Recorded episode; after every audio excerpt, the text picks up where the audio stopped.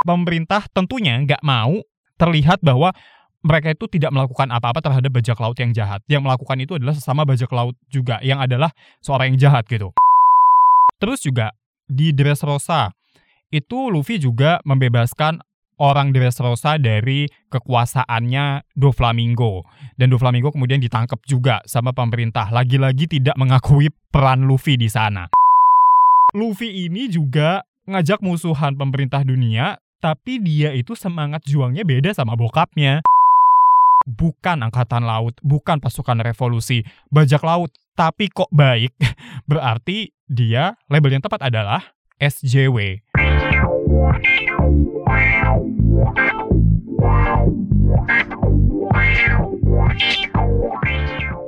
Halo, selamat datang dan selamat mendengarkan podcast Review SJW, sebuah podcast yang membahas isu sosial dan budaya, juga politik dan lingkungan yang ada dalam film, TV series, dan pop culture lainnya bersama gue, Budi Winawan. Waktu tanggal 22 Juli kemarin itu dikenal sebagai One Piece Day.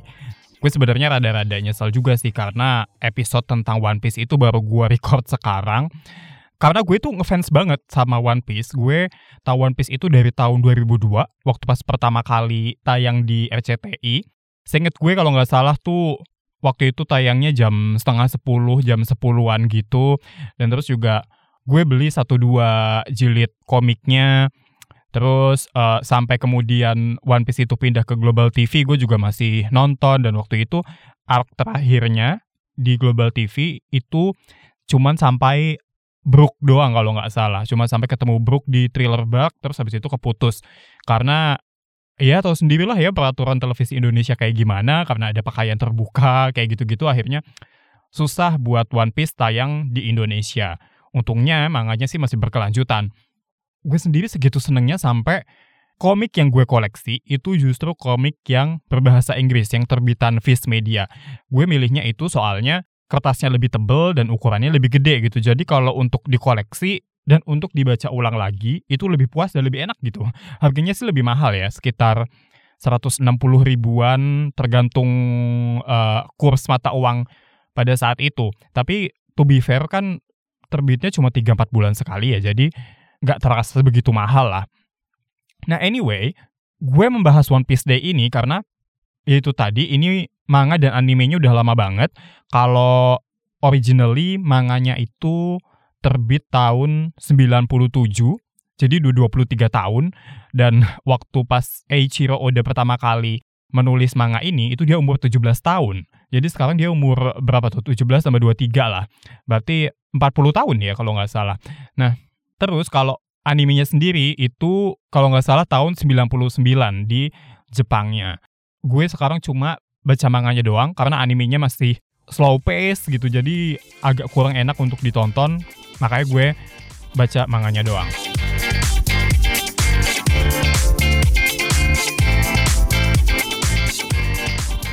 Sesuai judul episode kali ini, gue ingin membahas bagaimana bahwa Luffy ini adalah seorang SJW. Karena Luffy itu kan bajak laut. Bajak laut itu harusnya adalah seorang yang jahat. Jadi maksudnya adalah mereka ini orang-orang yang suka merampok sesuai dengan titlenya ya, namanya bajak laut. Mereka itu punya kapal, lalu kemudian membajak kapal orang, merampok isi kapal orang. Cuman makanya gue juga rada-rada bingung ya, karena di One Piece itu justru bajak lautnya kebanyakan di darat gitu. Paling di laut itu ya kalau mau pindah pulau doang. Sepemahaman gue, bajak laut itu kan merampok di kapal, lalu kemudian hasil rampokan dari kapal itu dijualnya di darat gitu kalau gue taunya ya. Cuman kalau misalnya ternyata gue salah, tolong koreksi. Silahkan berkomentar di sosial media review SJW. Tapi di One Piece tuh nggak begitu. Udah gitu, Luffy ini seperti yang tadi gue bilang, dia itu malah justru nggak jahat. Karena kayak bajak laut-bajak laut yang kuat di One Piece deh. Di One Piece itu kan ada si Chibukai. Itu tujuh orang bajak laut yang sama pemerintah kegiatan mereka, kelompok mereka itu dilegalkan tanda kutip dan nilai buronan mereka dibekukan. Jadi mereka nggak diincer lagi. Tapi kalau misalnya nanti pemerintah nyuruh mereka untuk membantu mereka, itu harus mau. Kayak misalnya waktu pas Ace dieksekusi di Marineford gitu. Itu kan si Cibukai dipanggil semua untuk ikutan sebagai pasukan dari pemerintah gitu. Kalau-kalau dari bajak laut Shirohige itu berusaha menyelamatkan Ace dan memang terjadi kan, memang kelompok Shirohige dan aliansinya itu mencoba menyelamatkan Ace. Nah, si Chibukai ini itu kan punya daerah jajahan kan dan pemerintah malah nggak melakukan sesuatu terhadap itu. Kayak misalnya si Crocodile, itu kan dia menjajah Arabasta. Terus ada Doflamingo, dia juga menjajah Dressrosa. Cuman kalau Doflamingo ini strateginya malah lebih mumpuni ya, karena kan dia menggunakan kekuatan uh, itu ekonomi itu kan. Terus dia mengendalikan si rajanya itu untuk menyerang rakyatnya. Jadi kayak rajanya literally dikendalikan seperti boneka menggunakan benang oleh Doflamingo. Terus Doflamingo itu nyerang si rajanya itu. Jadi as if si Doflamingo itu hero-nya di situ. Padahal dia juga melakukan kejahatan lain yaitu memproduksi senjata dan sebagainya untuk bajak laut yang lebih kuat lagi yaitu Kaido. Ngomong-ngomong soal Kaido, Kaido ini juga termasuk dari salah satu Yonko yaitu empat kaisar laut. Itu ada Big Mom, terus ada Shirohige juga yang terus kemudian sudah wafat dan diganti oleh Kurohige dan ada si Shanks yang bajak laut temannya Luffy yang dari satu kampung gitu. Itu mereka juga punya daerah kekuasaan dan di daerah kekuasaan itu mereka basically menjajah karena kan kayak si Kaido itu kan ada di Wano dan di Wano itu si Kaido bikin pabrik, itu pabrik-pabrik senjata lah kalau nggak salah ya. Dan penduduk aslinya itu malah terpinggirkan, uh, susah dapat makanan, susah dapat air bersih, sampai banyak yang meninggal juga.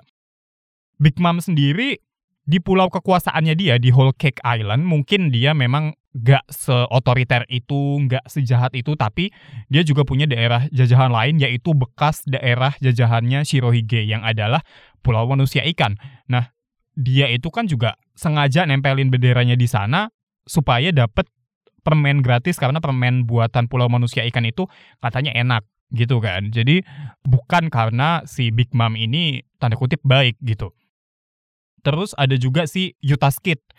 Dia itu nilai buronannya sempat lebih tinggi dari Luffy karena dia jahat sama warga sekitar, sama rakyat jelata gitu. Sedangkan si Luffy, ke mana pun dia pergi, dia itu justru nolongin orang. Bahkan dari sejak musuh pertamanya, yaitu uh, Kapten Morgan kan, waktu pas dia hendak merekrut Zoro sebagai anggotanya. Itu bahkan angkatan laut sih. So, technically dia memang berbuat jahat. Tapi kemudian waktu pas dia ketemu sama Bagi, itu dia juga malah melawan bajak laut lain. Walaupun memang tujuan utamanya itu tuh mau nolongin Nami yang waktu itu baru pertama kali ketemu, cuman si Bagi itu kan menguasai satu desa atau satu kota di sana kan. Nah, terus kemudian si Luffy lah yang ngalahin Bagi. Terus dari mulai pas masuk ke Grand Line di mana dia ke Drum Kingdom waktu pas dia ketemu sama Chopper Drum itu kan dikuasai oleh Wapol. Nah terus Wapol itu yang ngalahin juga Luffy. Terus akhirnya kerajaan Drum itu berubah jadi Sakura Kingdom dan akhirnya Dalton yang jadi raja di sana bersama dengan Kureha juga yang jadi dokter tapi sekaligus kayaknya penasihatnya dia juga. Terus ketika ke Arabasta dia yang mengalahkan Crocodile yang kemudian juga ikut membantu si Vivi dan Raja Nafertari untuk mendapatkan kepercayaan rakyat gitu. Jadi akhirnya bukannya pemerintah yang membongkar Baroque Works dan Crocodile serta ulah jahat mereka, tapi malah Luffy gitu. Dan yang dapat nama baik justru malah si Smoker yang adalah angkatan laut. Jadi uh, angkatan laut dan pemerintah itu nggak mau mengakui bahwa yang ngalahin Crocodile itu adalah Luffy sesama bajak laut. yang akhirnya menyelamatkan Arabasta itu akhirnya Luffy gitu. Pemerintah tentunya nggak mau terlihat bahwa mereka itu tidak melakukan apa-apa terhadap bajak laut yang jahat. Yang melakukan itu adalah sesama bajak laut juga, yang adalah seorang yang jahat gitu. Terus, abis dari Arabasta, itu kan ya kayak, ya oke mereka ke Pulau Langit, ke Skypia. Cuman ke, di Skypia itu pun, well, gak ada angkatan laut sih, gak ada pemerintah dunia sih, tapi cuman orang-orang di sana pun, pemerintahan di sana pun, itu tuh gak berani melawan God Enel, yang adalah sesosok yang juga otoriter dan uh, semena-mena terhadap orang di sana. Jadi bisa langsung ngebunuh orang saat itu juga. Terus habis dari sana Luffy ke Water Seven. Nah, tapi nanti Water Seven-nya itu akan gue skip dulu. Cuman si Luffy ini juga pernah ke Pulau Manusia Ikan kan. Nah, di sana dia itu juga melawan bajak laut manusia ikan yang jahat. Dan bukan karena dendam, tapi lebih ke arah dia juga ingin menolong manusia ikan yang ada di sana. Karena si Luffy kan dulu pernah berhadapan dengan Arlong. Sekaligus dalam rangka menyelamatkan Nami dan bantuin Nami dan desanya Nami. Arlong itu kan manusia ikan.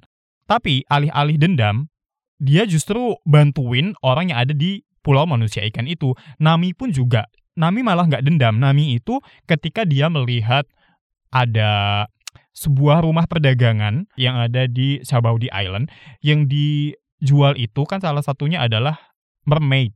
Nah ketika melihat itu, Nami itu justru kayak wah ini persis kayak di Arlong Park ya. Kalau di Arlong Park kan sebaliknya di mana si Arlong itu menyiksa manusia. Nah, kalau di Sabaudi Island itu justru manusia yang menyiksa manusia ikan. Nah, si Nami yang adalah anggotanya si Luffy itu malah bersimpati gitu. Jadi wow ternyata mereka itu didiskriminasi sedemikian rupa ya. Makanya si Arlong berbuat kayak gitu. Jadinya si Nami justru maklum. Dan itu kayak menggambarkan rasisme yang terjadi di dunia nyata juga gitu.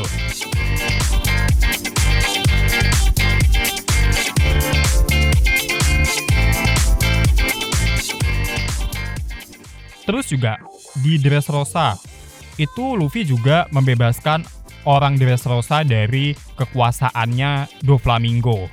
Dan Doflamingo kemudian ditangkap juga sama pemerintah. Lagi-lagi tidak mengakui peran Luffy di sana. Nah, Kembali lagi ke Water Seven, ini adalah poin berikutnya yang bikin Luffy jadi SJW. Luffy itu juga terang-terangan menantang pemerintah dunia.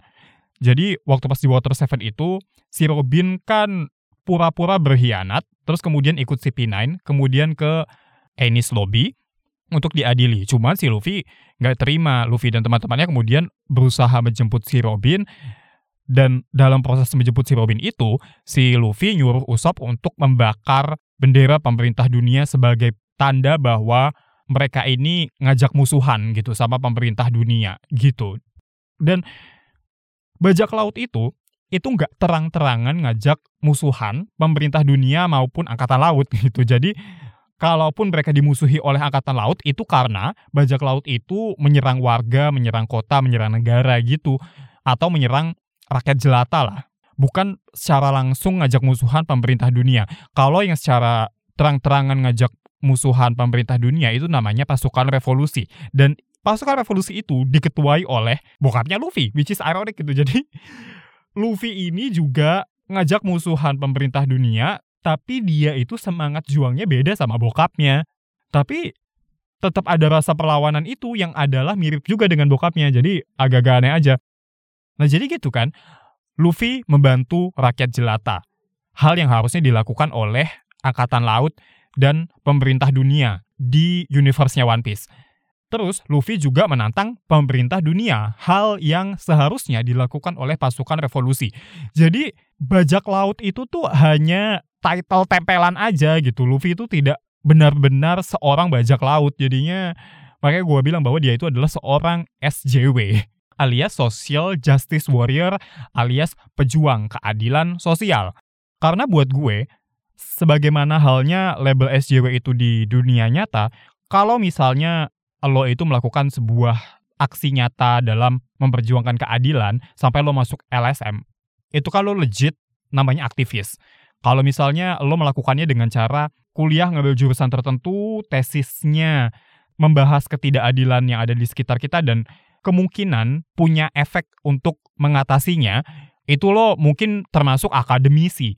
Tapi ketika lo bukan akademisi, lo nggak kuliah dengan background tertentu yang bisa menyelesaikan permasalahan di sekitar, lo juga nggak gabung di LSM, lo bukan aktivis, tapi lo punya dampak atau lo punya suara atau lo mengekspresikan ketidaknyamanan lo terhadap keadilan sosial yang terjadi di sekitar lo, berdampak maupun tidak, buat gue, nah itulah yang dinamakan SJW. Nah, Luffy itu ya begitu. Well, dia dampaknya besar banget sih, tapi ya gitu karena dia bukan angkatan laut, bukan pasukan revolusi, bajak laut, tapi kok baik, berarti dia label yang tepat adalah SJW.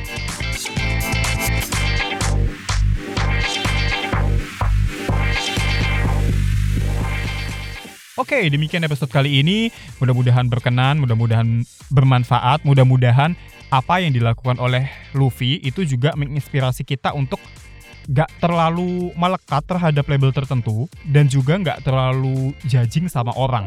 Karena kan Luffy itu bajak laut. Tapi kalau misalnya kita ngejudge dari labelnya doang, berarti kan wah Luffy ini jangan-jangan orang jahat.